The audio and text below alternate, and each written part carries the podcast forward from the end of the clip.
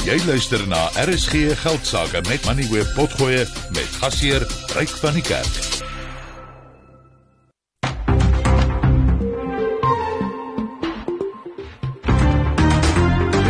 Jy luister na RSG Geldsaake met Ryk van die Kerk, jou betroubare bron vir sake en beleggingsinsigte. Goeienaand en hartlik welkom by RSG Geldsaake. Nou, ons gaan vanaand kyk na Transaction Capital wat sy 75% belang in die motorhandelgroep WeBuyCars aan aandeelhouers gaan ontknoop en dan op die JSE noteer. Transaction Capital was die afgelope jaar of wat vir die verkeerde redes in die nuus, uh, veral oor sy grootste bate en dit is SA Taxi. Nou SA Taxi finansier minibus taksies, maar dit het in die afgelope boekjaar 3,8 miljard rand verloor. En uh verlede jaar het die het uh, Transaction Capital gesê een van die opsies op die tafel om die groep nou weer in 'n gesonde posisie te kry is om WeBuyCars te noteer en dan die geld te gebruik om die besigheid te herkapitaliseer. En dis 'n uh, goeie nuus vir aandeelhouers, dis ook goeie nuus vir die JSE want WeBuyCars uh, gaan 'n taamlike groot notering wees en uh, natuurlik het die JSE die afgelope paar jare 'n dramatiese afname in die getal of die aantal uh, genoteerde maatskappye gesien. Dan gaan ons kyk na een van die groot probleme wat groot stede soos Johannesburg en Pretoria het en dit is gekaapte geboue. En hierdie geboue word deur misdaadelemente oorgeneem. Baie van hulle is verlate en dan verhuur hulle dit uit aan mense en dit is vuil misdaadneste en dit verskrik ondernemings en ekonomiese aktiwiteit in die sake kerns is 'n baie baie groot probleem. Ek dink enige iemand wat die afgelope paar jaar in die Johannesburgse middestad was, sal weet waarvan ek praat. Maar die Tshwane Metro is uh, egter nou besig met 'n plan om die probleem in die Pretoria se middestad aan te pak. Ek gaan met Kingsley Wakelin van die Tshwane Metro daaroor gesels.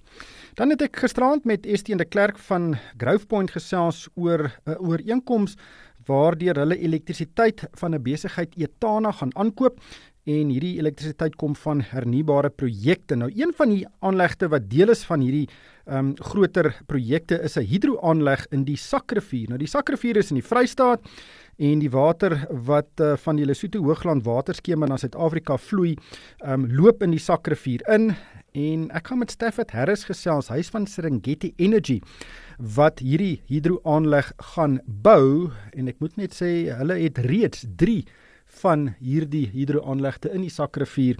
So dis 'n interessante ontwikkeling wat daar in die Vrystaat gebeur. En dan soos op elke Woensdag aand gaan ons kyk na kripto sake. Ek het hierdie week twee e-posse van luisteraars ontvang wat vra wat presies die Bitcoin halvering is wat in April gaan plaasvind en ek gaan met Marius Ryds van Lunou gesels en ek wil onmiddellik sê nee, die halvering beteken nie dat die prys van Bitcoin gaan halveer nie. Dit gaan eerder die Bitcoin miners negatief raak, maar ek gaan net so voor 7 met uh, Marius daaroor gesels. Maar kom ons kyk eers wat het op die markte gebeur en die insetsel word geborg deur Finbond Groep Beperk. Kontak hulle op 0860442211 Finbond Groep Beperk. Enko Kreer sit soos gewoonlik reg, so oor na jou Enko. Dankie Ryk en goeienaand aan elke luisteraar. Amerikaanse markte is tans gemeng met die Dow Jones wat nou 0,1% stewiger verhandel, maar die S&P 500 is nou 1% af en die Nasdaq is sommer 1.5% laer. Europese markte het rooi gesluit met die FTSE 100 en die CAC 40 elkeen 0,2% swakker en die Duitse DAX het vandag met 0,5% teruggesak. Die JSE het ook vandag teruggetrek en die JSE daal met 0,1% tot 74556 punte. Die nywerheidsindeks sluit 0,6% laer. Die hulpbronindeks was 0,1% swakker, maar die finansiële indeks wys vir ons 'n groenigheid en het vandag 0,7% hoër gesluit. First Rand het daartoe bygedra. First Rand het vandag 1.5% stewiger gesluit en Standard Bank het 'n half persent gewen maar Naspers en Prosus het vandag so hand aan hand 1.5% laer gesluit en Richmond het 1.1% verloor. Ander maatskappye het 'n bietjie meer verloor soos Harmony wat vandag 3.5% teruggesak het. Die MultiChoice groep en Kumba het elkeen 3% laer gesluit en Textainer, Hammerson en Bytes het elkeen 2% verloor. Aan die positiewe kant het Truus en Remgrow vandag elkeen 3,2% gewen Die Foschini groep en Bidcorp het elkeen 2,3% stewiger gesluit en Old Mutual en Netcare wen elkeen 2%. Dan op die kommoditeitsmark is die goudprys nou 2050 dollar per fyn ons. Platinum is tans 925 dollar en palladium 980 dollar. Brent ruolie staan nou op 81 dollar en 40 sent per vat. Die rand het 'n bietjie veld gewen vandag en sy kop opgetel. Verhandel tans teen R18.60 teenoor die Amerikaanse dollar, R23.68 teenoor die Britse pond, R20.20 teenoor die euro en R12.29 teenoor die Australiese dollar. 'n Bitcoin verhandel tans teen 42800 dollar en dit is 814000 rand. En dan hier laaste die plaaslike staatseffek deur die R186 verhandel teen 8,7% en die R209 verhandel nou teen 11,5%. Enko baie dankie. Johan Gous is hoof van adviesdienste by Sasfin Wealth. Hy sit hier langs my in die ateljee. Goeienaand Johan. Ek lees vanoggend 'n artikel in die Economist. Dis, dis nou een van die publikasies wat ek elke dag lees en hulle het 'n lang ontleding gehad oor vanaand se aankondiging deur die Amerikaanse Federale Reserve uh, aankondiging van Jerome Powell oor wat met rentekoerse gaan gebeur in Amerika. Nou, die eerste 3 sinne sê almal verwag dat die koers onveranderd gaan bly, maar die res van die artikel gaan oor wat mense kan inlees in die lyfstaal byvoorbeeld van Jerome Powell want dit kan die toekoms bepaal en uh, ek is nogal weet ons praat nou al vir baie lank oor Amerikaanse rentekoerse en hoe dit die wêreld raak, maar is daai vergrootglas nie te sterk nie. Is is hierdie aankondiging werklik so belangrik?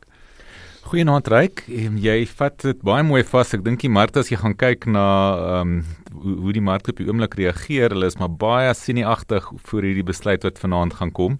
En ek soos jy sê, ek dink die markte klaar ingeprys dat daar geen verandering gaan wees nie maar dit is daai boodskap wat saam met dit gaan gaan kom wat en en en dit is omdat markte vooruitkyk reik. So Ons weet die rentekoerse gaan op 'n stadium begin daal. Die vraag is nou net gaan dit wees in miskien Mei of gaan dit eers miskien nog 'n paar maande ja. later wees. En dit maak 'n groot verskil in terme van jou waardasies van jou aandelepryse. Maar dit gaan 'n kwart persent wees op die meeste. Dit gaan nie asof rentekoerse nou weer van 'n van 'n kraans gaan afval nie. Ryk, ek dink dit gaan meer oor die simboliek, die feit dat daar die eerste daling gaan wees van rentekoerse. Dit gaan nie oor hoe groot dit is nie. Ons almal wag vir daai draaipunt en dit is wat die mark wil sien en wil hoor wanneer kan daai draaipunt kom. Hoe, hoe dink jy voel Jerome Powell as hy nou voorberei vir sy toespraak? Ehm um, en as hy weet as hy miskien 'n bietjie negatief klink of uh nie die positiefste lyfstaal het nie, dan kan dit markte reg oor die wêreld uh, raak. Dit moet nog seker 'n stresvolle voorbereiding wees. Ek dink so, maar ek dink hy's nog al oud genoeg en uh, ervare genoeg om daai tipe van druk te kan hanteer en ek dink wat dit beteken is dat hy gaan net baie mooi sy woorde moet kies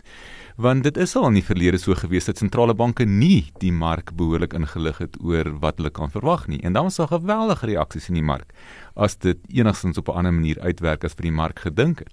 So weer eens en, en ek dink ons is in 'n era waar die sentrale banke werklik probeer om bietjie meer duidelik te wees oor wat die mark kan verwag.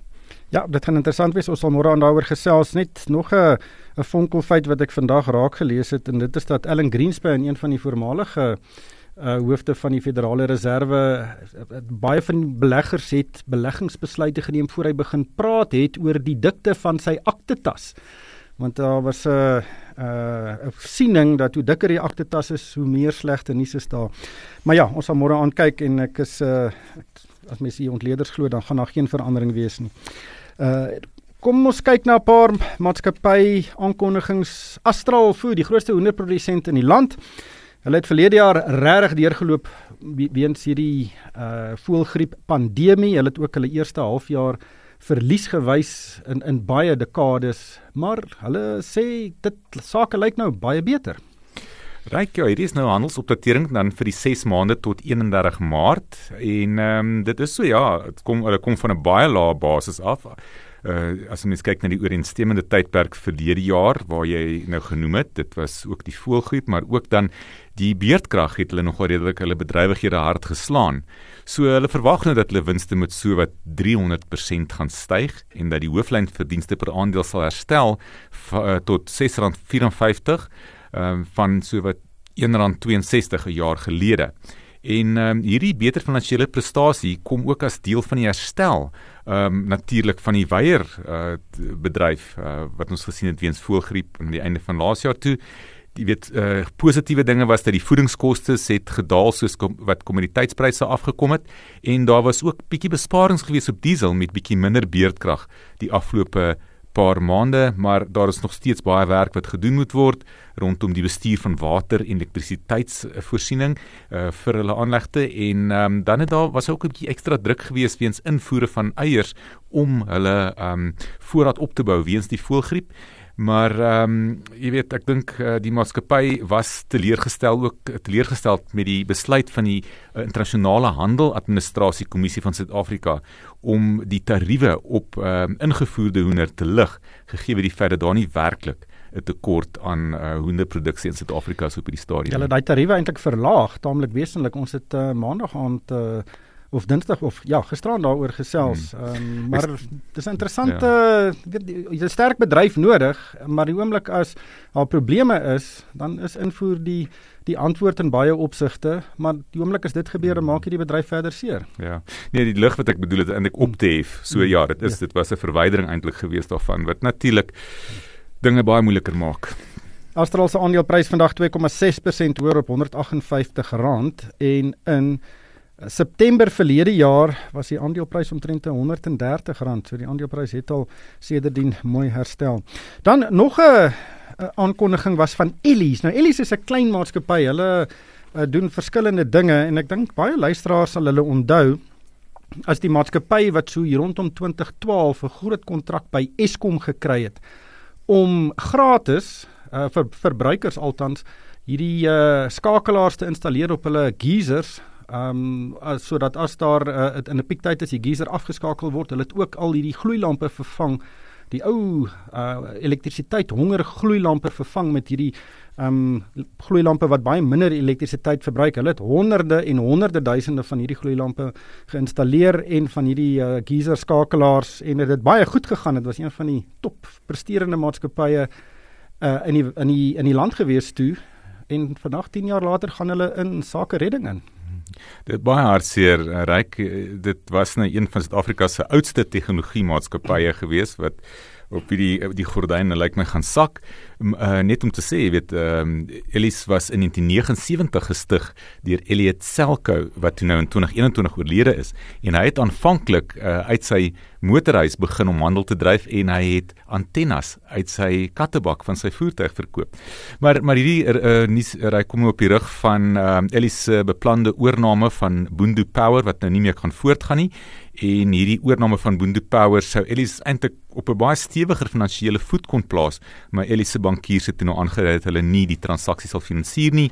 Die mark se reaksie was baie vinnig geweest met Ellis se aandeleprys en dit klink baie dramaties, maar dit het 80% geval van 5 sent na 1 sent. En in uh, in die lig van die nuutste verwikkelinge het um, Ellis se raad toe nou ook uh, besluit dat dit die beste sal wees vir die maatskappy om in sake redding in te gaan.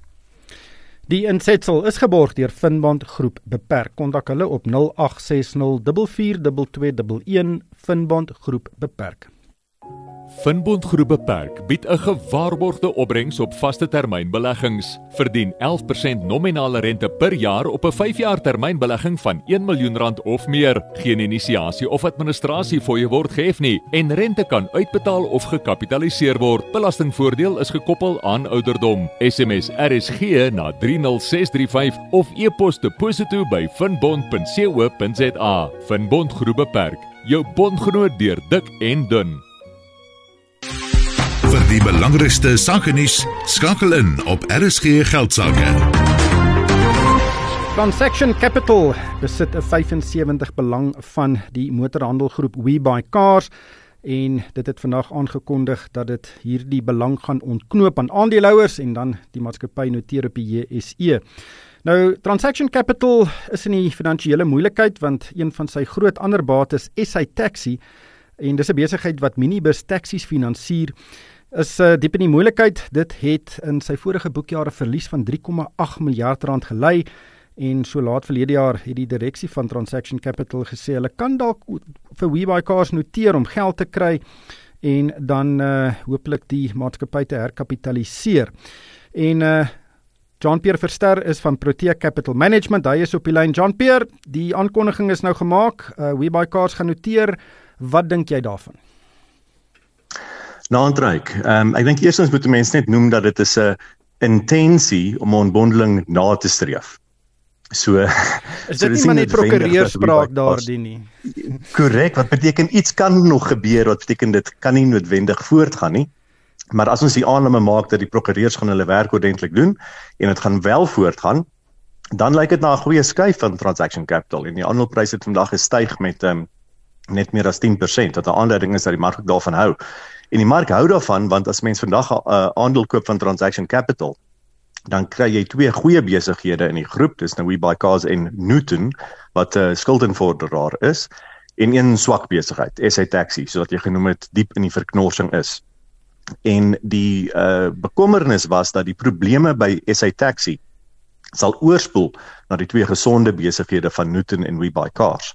So as hierdie ontbondeling voortgaan, beteken dit aandeelhouers kan dan self direk 'n aandeelhouer word in WeBuyCars en dan wat oorbly in Transaction Capital is die moeilikheid in SA Taxi wat die wat Transaction Capital sê eintlik baie geïsoleerd is. Daai probleme kan nie buite SA Taxi Newton beïnvloed nie en dan Newton as die tweede besigheid. So nog baie water moet onder die brug vloei. Die prokureurs moet nog baie kontrakte opstel, maar dit is hoe dit lyk en ek dink dit is 'n positiewe transaksie as dit voortgaan vir huidige transaction capital aandeelhouers. Ja, ek, en We My Cars is 'n goeie besigheid. Ek onthou nog toe dit begin het, het hulle so een advertensiebord op die N1 gehad tussen Pretoria en Johannesburg en uh toe uh ehm um, Van Kutsie as ek nou vinnig die naam kon onthou nog daar gestaan met 'n 'n groot uh, met 'n klomp kontant note, R100 note in hulle hand en gesê ons soek jou motor. En uh, kyk waar is hierdie besigheid vandag. Dit het 'n uh, uh, reuse uh, voetspoor reg oor die land. Korrek. So dit is die van der Walt broers, Van en Dirk van der Walt wat die besigheid begin het en uitsonderlike entrepreneurs baie goed gedoen het en WeBuyCars het laas jaar uh nagenoeg op net meer as 600 miljoen rand se netto wins gemaak waarvan Transaction Capital dan 75% besit en die twee broers nog steeds 25%. So uh WeBuyCars het baie geld spandeer die afgelope 2 jaar of so om baie uit te brei. Hulle het al hoe meer van hierdie groot uh um fasiliteite opgestel waar mense hulle karre kan neem of selfs um handelaars in in tweedehandse karre die karre kan neem en dan gaan dit op 'n Fendusi en dan word dit verkoop. Hulle het ook natuurlik The Dome gekoop wat bekend is in die noorde van Johannesburg as 'n as 'n groot uh um installeerding, 'n uh, groot gebou. En al daai kapitaal wat nou gespandeer is, ryk beteken dat so so lank die prys van tweedehandse voertuie relatief sterk bly relatief tot splinternuwe voertuie. Lyk die vooruitsigte van WeBuyCars baie goed en kan hulle in die komende jaar potensieel meer as 700 miljoen rand se netto wins maak. En as dit die geval is, dan beteken dit daai 75% wat 'n mens gaan kry as jy vandag 'n transaction capital aandeel koop en hulle ontbondel wel die WeBuyCars aandele kan soveel werd wees as ehm um, 6 miljard rand in totaal. Nou die transaction capital markkapitalisasie is 6.4 miljard. So wat dit impliseer is die totale waarde van die hele transaction capital is gelykstaande aan 'n konservatiewe waardasie van we buy cars. So daarom lyk dit soos 'n goeie opsie as 'n mens uh, transaction capital aandele koop want mense gaan 10 teen 1 dan we buy cars aandele kry en daai aandele behoort dan amper net soveel werd te wees as die transaction capital aandele omdat we buy cars so 'n sterk maatskappy is met positiewe vooruitsigte. Ja, ek kyk net hier op 'n lys uh die Uh, Astral Foods se markwaarde is uh, is ook 6,6 miljard rand. Ehm um, storage ook 6.6 miljard. So dit is 'n uh, dis 'n taamlike wesenlike besigheid. Maar uh, ek is ook nou jammer ek het gesê van Kutse natuurlik is dit van van der Walt. Ek het nou die aand met hom gesels hier op hierdie program. Maar ehm um, John Pierre die ontknoping van sulke goeie bates is nog is iets wat ons gesien het die afgelope tyd. Ons het dit gesien by PSG um, en ook van die ander beleggingsbeheermaatskappye. Ehm um, werk dit? Is dit 'n goeie ding vir aandeelhouers dat so iets gebeur? Uh, hoe hoe hoe en, en miskien in die konteks van wat ons uh, die afgelope paar jaar gesien het. Ja, ryk oor die algemeen is ontbondings goed vir aandeelhouers want gewoonlik as 'n maatskappy deel is van 'n groter groep wat verskeie verskillende ondernemings besit, dan sal die marke diskonto op die groep se waardasie plaas. En dis hoekom PSG byvoorbeeld in die verlede teen 'n diep diskonto verhandel het, Remgrow verhandel deur teen 'n diskonto, in die ou dae het Imperial teen 'n diskonto verhandel van die motors besigheid wat daar ontbondel is. Ehm um, so daar's 'n klomp besighede wat uh, hulle ondernemings wat baie anderster is as die res van die groep ontbondel. En dan is die totale waarde van die uh, oorspronklike maatskappy plus die ontbondelde maatskappy gewoonlik meer werd as die oorspronklike groep. So dit is 'n positiewe tendens wat ons sien in die afgelope jaar soos dat maatskappye dit moeiliker vind om hulle winste te groei deur markandeel te wen en pryse op te stoot. Moes hulle aan ander maniere dink. En onbondeling is een van die maniere hoe hulle waarde ontsluit het. So hoe meer onbondeling se mens sien, hoe meer positief is dit gewoonlik vir aandeelhouers. Jean-Pierre, dankie vir jou tyd vanaand. Dit was Jean-Pierre Verster. Hy is van Protea Capital Management. Soek jy sake, finansiële en beleggingsnuus aan jou vingerpunte? Laai dan Moneyweb se slimfoon toepassing af. Dit is die maklikste manier om op hoogte te bly van nuus uit die sakewêreld, meningsstukke om te interpreteer en ook die jongste markaanwysers. Jy kan ook regstreeks na alle RSG geldsaake uitsendings luister of later na die potgoeie van die onderhoude gaan luister. As jy finansiële raad nodig het, kan jy ook deur die toepassing by van die beste finansiële adviseurs in die bedryf uitkom alles op een slimfoon toepassing. Dit is heeltemal gratis. So laai dit sommer nou van die Apple App Store of Google Play Store af. Daar is geen geld sake met Moneyweb. Elke week saam tussen 6 en 7. Een van die groot probleme wat groot stede soos Johannesburg en Pretoria het is geskaapte geboue. Nou Dit is die model is eenvoudig kriminele elemente neem beheer oor 'n groot aantal geboue in uh, die uh, middestede van Johannesburg en Pretoria. Dit het so in die 1990s en 2000s gebeur en hulle het basies uh, die geboue vir hulle self geneem en dan verhuur hulle dit aan mense. Dit word dan erg vervalle, dit word baie gevaarlik soos wat ons nou gesien het hier in Johannesburg waar 'n uh, hele klop mense hulle lewe in 'n brand verloor het. Nou die vervalle geboue jaag ook besighede in die uh, in die sakekerrings weg en groot straatblokke word dan heeltemal vervalle en uh, vuil en dit het basies meegebring dat die sakekerrings van Johannesburg en Pretoria in baie opsigte kriminele neste geword het en ek dink enige iemand wat die afgelope paar jare in veral die Johannesburgse middestad was sal weet waarvan ek praat. Nou die Tshwane Metro is besig met 'n plan om hierdie probleem in die Pretoria se middestad aan te pak en dit hier die Tshwane volhoubare en beter geboue program.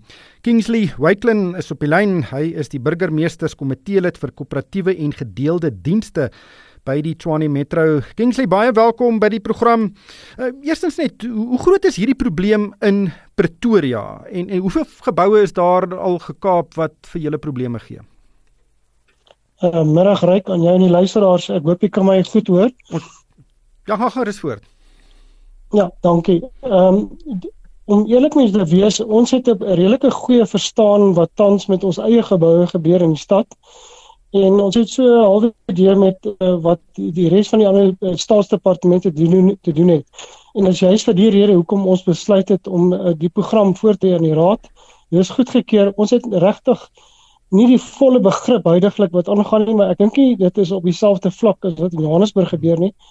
As soos in ons geval is dit maar meeslik grondbeset, maar wat die middestad aanbetref, dis hoekom ons die planne voorgelê het en goedgekeur gekry het sodat ons kan begin met die werk om 'n volledige audit te kan doen. So wat is die plan? Hoe gaan julle hierdie probleem aanpak? So, ehm um, ons het dit baie prominent gemaak in die sin dat ons hierdie komitee wat ons saamstel uh, sal uit bestaan uit 'n verskeie departemente want een van die goed wat ons besef het gebeur is die silo effek in die staatsdepartemente dat ons met mekaar praat en so die ding gaan direk in die stadsbestuur se kantoor sit um, hy, hy gaan verantwoord, verantwoordelik vat vir die uh, komitee en ons gaan 'n uh, interdepartementele komitee bymekaar stel uh, wat al reeds begin het uh, en, en ons gaan begin met ons eie die eerste stap is natuurlik om ons voor ons eie voordeur skoon te maak en dit is presies wat ons gaan doen Ons het al reeds begin met 'n ondersoek in ons eie geboue en dit gaan dan die eerste stap wees wat ons gaan volg. Maar soos ek dit verstaan, gaan julle probeer om van daai geboue te onteien en dan beskikbaar ja. te stel aan ontwikkelaars om nou weer die geboue reg te maak en uh nuwe uh, dienste daaraan te bied, weet uh, miskien woonstelblokke of koshuise en die tipe van dinge te, te dit te omskep en dit. Um is is dit die plan, maar fokus op die op die onteieningsdeel. Wat is die plan daar? Goed, so wat ons wil doen is 'n um, deel van hierdie proses wat ons wil volg is uh, nadat ons dit geïdentifiseer het uh ook die privaat eiendomme wat uh, nie in ons besit is maar in privaat eiendomme wat uh heeltemal ehm um, uh teruggeneem is of gehad is soos ons nou maar sal sê wil ons dan uh totaal nou onteien. Uh ons gaan dit uh, die regsproses volg uh, seker maak dat dit kan onteien terugsit in die mark. Daar's 'n baie sterk ehm um, navraag vir studente akkommodasie ehm um, natuurlik sosiale akkommodasie ensovoorts en ons wil dit terugsit in die mark en dit behoorlik bestuur kry en dit onder beheer kry. So ons wil die stad terugneem en behoorlik bestuur en seker maak dat die middestad weer veilig is vir mense om te in te kan woon. Een van die probleme in veral Johannesburg is dat as jy 'n gebou wil uh leegmaak as jy die mense wil skuif uit 'n gebou uit. Ehm um, soos byvoorbeeld as jy 'n uitsettingsbevel uh gekry het by 'n hof, dan moet jy uh, of die uh die instelling wat nou die uitsettingsbevel gekry het, die mense in die gebou in alternatiewe akkommodasie huisves. Dis een van die grondbeginsels en mm. en en, en veral hier in Johannesburg elke keer as so as jy daar so 'n proses aan die gang is, dan is die probleem met hierdie alternatiewe akkommodasie. Is dit 'n 'n probleem wat voor julle deur lê?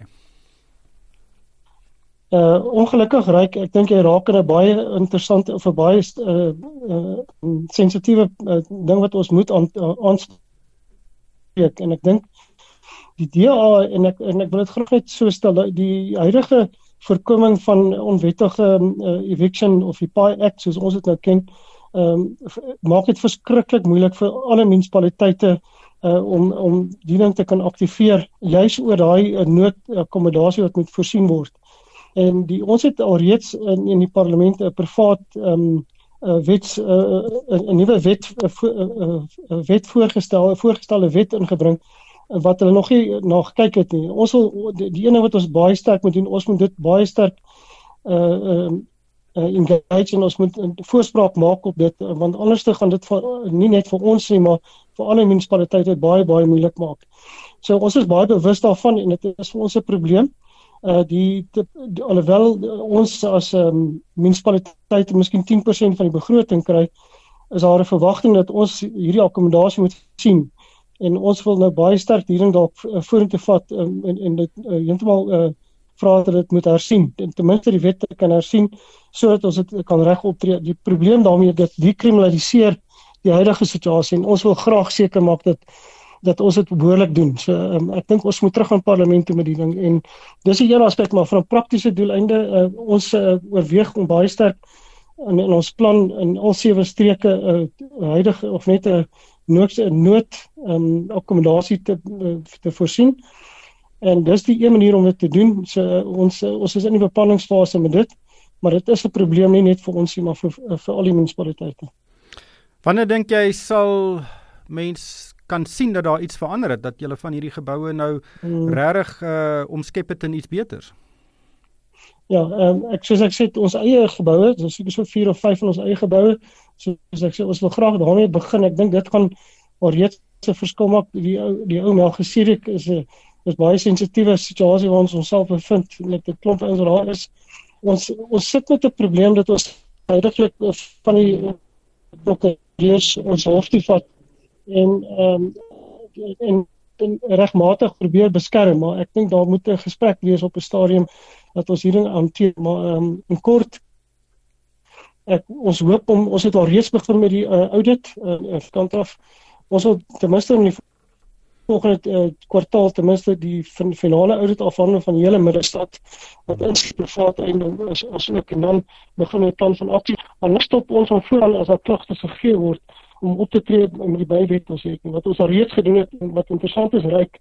Uh, ons het nou onlangs 'n uh, hooggeregs hooggeregshof uh, interdik gekry maar ons eie um, informele handelaars 'n uh, uh, uitsettingsbevel gekry het in een van hierdie geboue.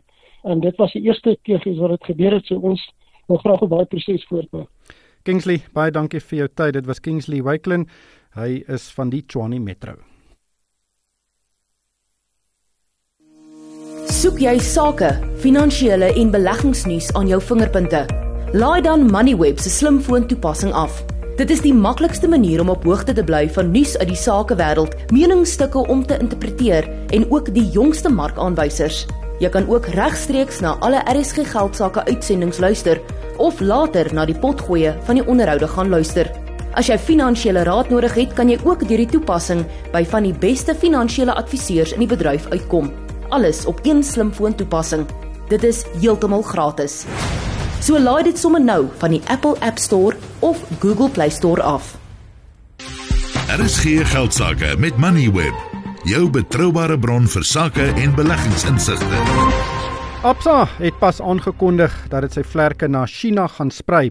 Nou, hulle gaan nie 'n bank daar bedryf nie, maar eerder 'n advieskantoor wat skynbaar Chinese maatskappye en beleggers gaan help om in Afrika en ook in Suid-Afrika sake te doen. Shirley Webber is van Absa, sy is op die lyn. Shirley, baie welkom by die program. Absa doen reeds sake in verskeie Afrika lande. En uh, ek sien julle het ook kantore in Londen en New York en ook 'n paar ander plekke. Maar hoekom het julle nou vir China gekies om verder uit te brei? Ja, goeienaand Ryk en baie dankie vir die vir die geleentheid.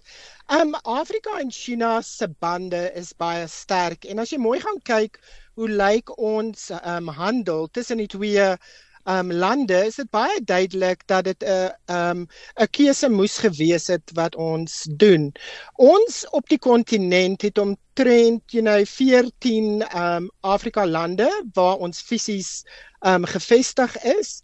En um en omdat handel so belangrik is vir Afrika met China het ons besluit dat Beijing is 'n goeie keuse vir ons um en om sodoende kliënte te help internasionale kliënte te help om om die lewe makliker te maak en deure oop te maak jy weet tot die Afrika kontinent en hmm. en dit is my en jou agtertuin en ons moet daarna kyk Ja, dis uh, verskeie banke het ook ehm um, blootstelling aan die Chinese mark. Nedbank werk saam met die Bank of China en dan natuurlik die Industrial Bank of China hou 'n belang van 20% in Standard Bank.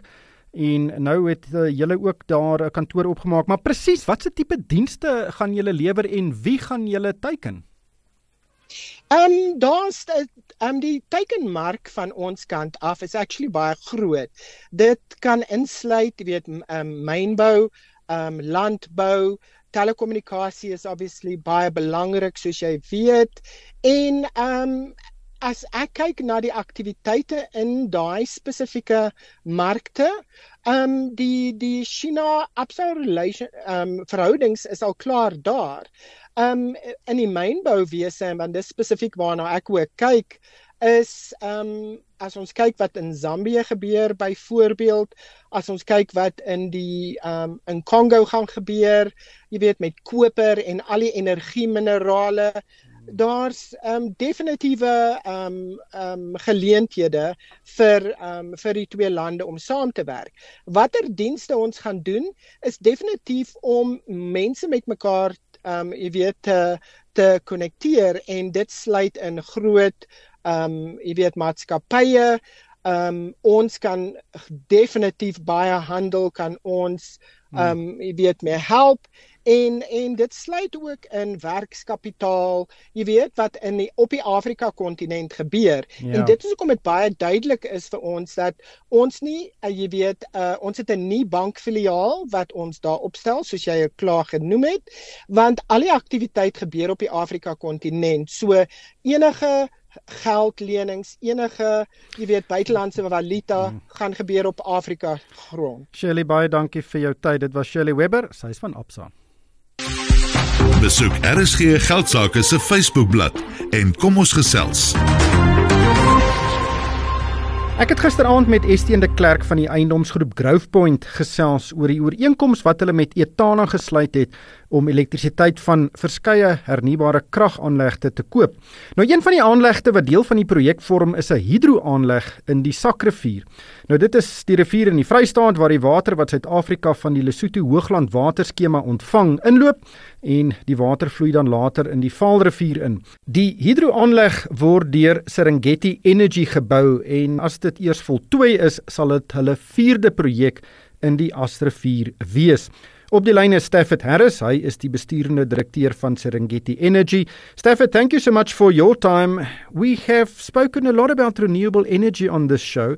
But we have mainly focused on wind and solar technologies. Hydro plants have not been frequently mentioned as a significant option to generate electricity in South Africa. First of all, tell us about the hydropower industry in South Africa. How significant is it? Obviously, we're a water scarce country in South Africa, so we predominantly don't have large scale hydro projects. There is some older projects that were developed and owned by Eskom, but in the private sector, there's very little existing hydro projects other than our projects. There's some projects up north towards the Orange River system. But what makes our project unique as well as our existing projects is it's on the Lesotho Highlands Water Transfer Scheme, which is between intergovernment treaty between South Africa and Lesotho.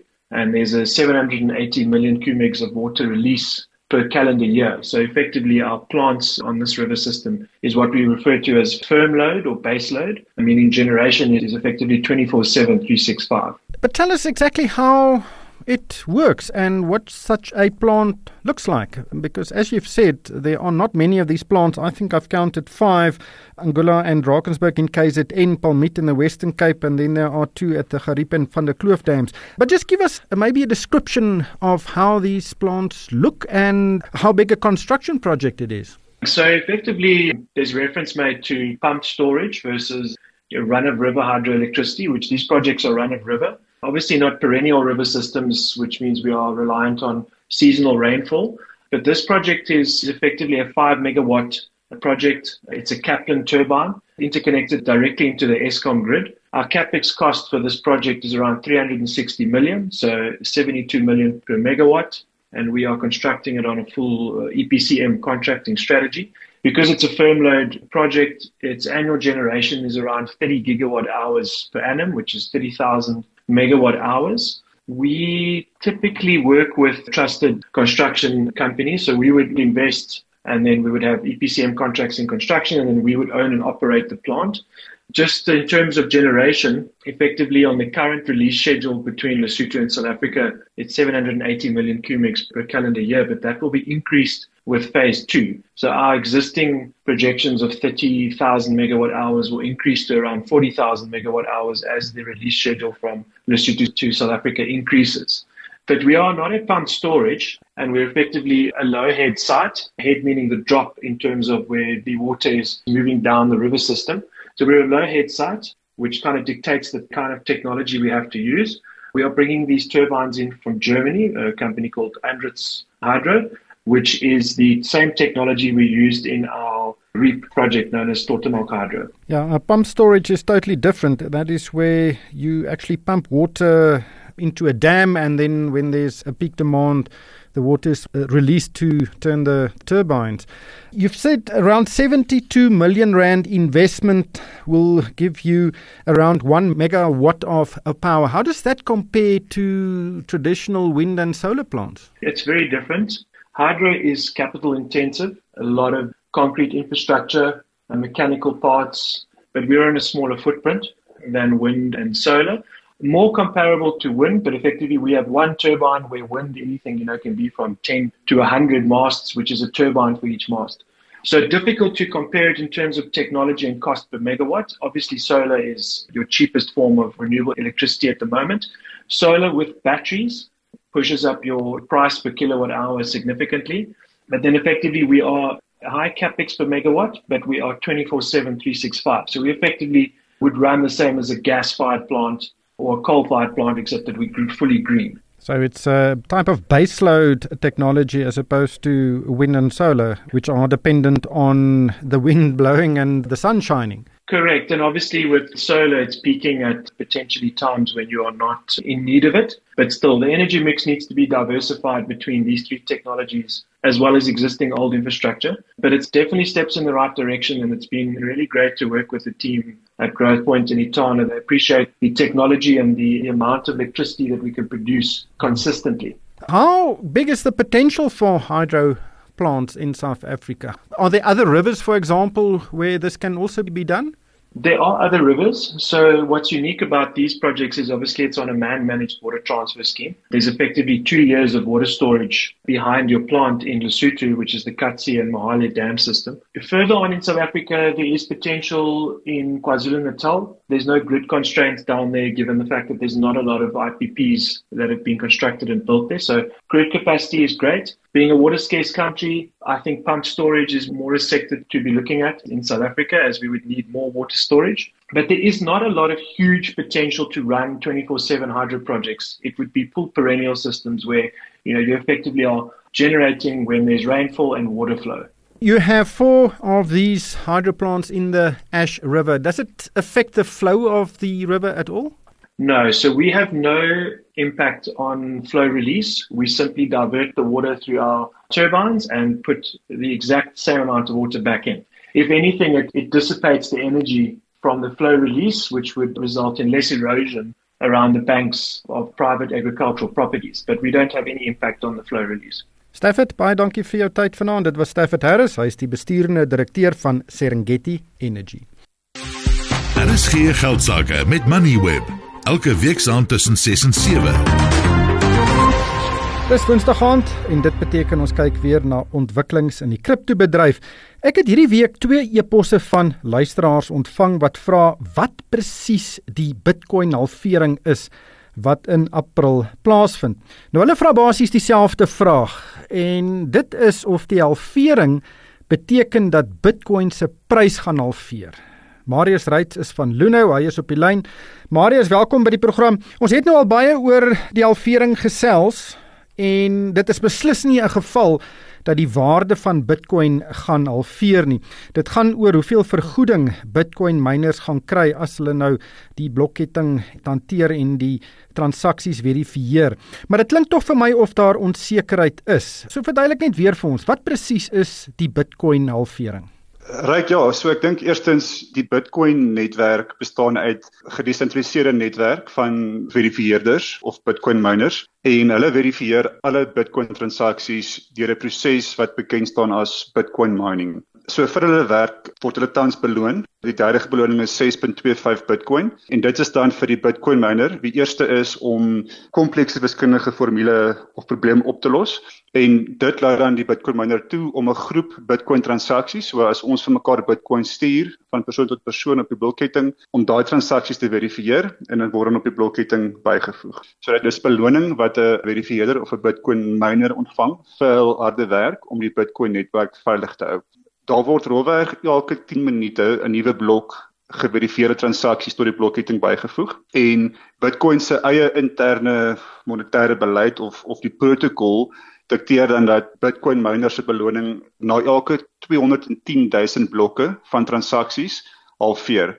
En hierdie proses gebeur dan elke 4 jaar en dit gaan gewoonlik gepaard met 'n toename in prysbewegings maar dit beteken glad nie dat die prys gaan halveer dit beteken net dat die Bitcoin se eie inflasiekoers daal derde inflasiekoers is 2% en dit beteken dat Bitcoin se aanbod word basies ingeperk want die beloning word halveer en dit sal halveer van 6.25 af na 3.125 Bitcoin toe. Ja, dit is taamlik ingewikkeld, maar ek dink mense kan dit ook verduidelik deur te sê hierdie Bitcoin miners word vergoed vir hulle verifiering van transaksies. Dit beteken die hoeveelheid Bitcoin in omloop neem toe. En as hier 'n halvering is, dan word daar minder Bitcoin bygevoeg by die bestaande hoeveelheid wat daar is en dit is waarna jy nou verwys as inflasie. Maar daar's nog steeds 'n beperkte aantal Bitcoin wat beskikbaar gaan wees, hoewel ons nog tot 2040 halverings gaan sien. Wat het gebeur kort nadat daar halverings in die verlede was. Daar was al 3 gewees. Wat het met die prys van Bitcoin gebeur nadat die halvering nou gebeur het? So daar was al reeds 3 halverings en as ons gaan volgens die geskiedenis as kyk na die 3 halverings in die verlede, het dit gewoonlik gepaard gegaan met 'n periode voor die halvering waar ons prysstygings gesien het of 'n periode na die halvering. So om en by die periode voor die halvering of na die halvering sien ons gewoonlik prysstygings, maar soos ek sê, dit het nog net 3 keer gebeur in die verlede. Die eerste 2 keer was gewees toe Bitcoin nog taamlik onbekend was. Die vorige halvering wat gebeur in 2020 en ek dink dit is net die Bitcoin in die hoofstroom beleggingswêreld begin. So ek dink 2024 is 'n hele ander omgewing. Ons het gesien natuurlik dat die eerste Bitcoin beursvallende fondse geloods is onlangs Daar's baie ander faktore wat ook 'n impak kan hê op die Bitcoin prys, nie slegs die halvering nie, maar as ons gaan volgens die geskiedenis dan wys dit vir ons dat dit gaan gewoonlik gepaard met prysstygings. Hoekom is daar halverings? Die Bitcoin halvering proses soos ek genoem het, is Bitcoin se eie interne policy basies so dit beheer die koers waarteen nuwe Bitcoin vrygestel word. Nou as dit vergelyk, dit staan ook in kontras met sentrale banke waar sentrale banke en regerings nuwe banknote kan skep en soos hulle sê geld kan print. In Bitcoin se geval is die nuwe aanbod van Bitcoin is bekend. Almal weet dat elke 10 minute gaan daar 3.125 Bitcoin vrygestel word en almal weet die totale aanbod is beperk tot 21 miljoen. En uh, dit is in kontras met die fiat-stelsel wat ons weet nie wat die geld in sirkulasie gaan wees oor 'n jaar, 2, 3 of selfs 5 jaar nie. So dit bied vir uh, persone sekerheid en dit is een van die redes dink ek hoekom Bitcoin gesien word as 'n uh, veilige hawe bate of eerder 'n bate waar hulle geld kan stoor want die aanbod van Bitcoin is bekend aan almal en is selfde lig gesien as, as goud goud het ook 'n beperkte aanbod. Daar gaan nie goud ongin word tot in ewigheid nie en daarom word dit gesien as 'n tipe van 'n skaarsbate. Ethereum, is daar al veerings met Ethereum of ander kriptogeldeenhede? Ethereum werk volgens 'n proof of stake meganisme en dit is weer eens baie tegnies en verander gesprek. Maar Ethereum, die mining of die skep van die Ethereum werk heeltemal anders, heeltemal ander beleid en ek dink dit verskil want die idee van Bitcoin was gewees om 'n skaars digitale bate te skep. Dit was geskep gewees met die doel om te dien as 'n bate waarin jy jou waarde kan stoor en vir daai doel was dit geskep gewees met 'n beperkte aanbod. Ethereum en van die ander bates soos XRP, Ripple en van die ander bates wat gebruik word vir betalingsdoeleindes het nie noodwendig 'n beperkte aanbod nie want daar is nie net vir dit nie. Marius, dankie vir jou tyd vanaand. Dit was Marius Reitz. Hy is van Luno. Johan, net voor ons groet, ek ek wil net vinnig gesels oor 'n baie interessante betalingstransaksie wat vandag plaasgevind het tussen die Verenigde Arabiese Emirate en China. Daar's 'n groot bedrag betaal van die uh, Emirate af na China toe, maar daar was geen dollar betrokke nie wat in die verlede die geval sou wees. Ryk baie interessant. Ja, dit is 'n uh, nuwe digitale geldeenheid, die digitale dirham wat gebruik is uh, deur die Emirate om China te betaal en hierdie was die eerste betaling van sy soort. En hulle het van die M-Bridge platform gebruik gemaak om betaling te doen en ons praat van so 500 miljoen dirham wat gelykstaande is aan so 136 miljoen dollar. Maar hierdie is 'n duidelike bewys ryk dat ons definitief in 'n nuwe era in beweeg ten opsigte van digitale betalings. Ja, en miskien wegbeweeg van die dollar gaan baie interessant wees. Dollar op die oomblik is maar die die geldeenheid in die wêreld.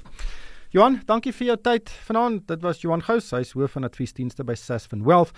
Luisteraars uh, kan na potgoeie van vanaand se onderhoude luister by moneyweb.co.za en ook die Moneyweb slimfoon toepassing. En daarmee groet ons van Pelesa Matlala, Pieter Botha en Ko Creer en vir my ryk van die kerk. Dankie vir die saam. Jy het geluister na RSG Geldsaake met Money where potgoe elke weeksdag om 7 na middag. Vir meer Money where potgoe, besoek moneyweb.co.za of laai die toepassing af en volg Moneyweb News om dagliks op hoogte te bly.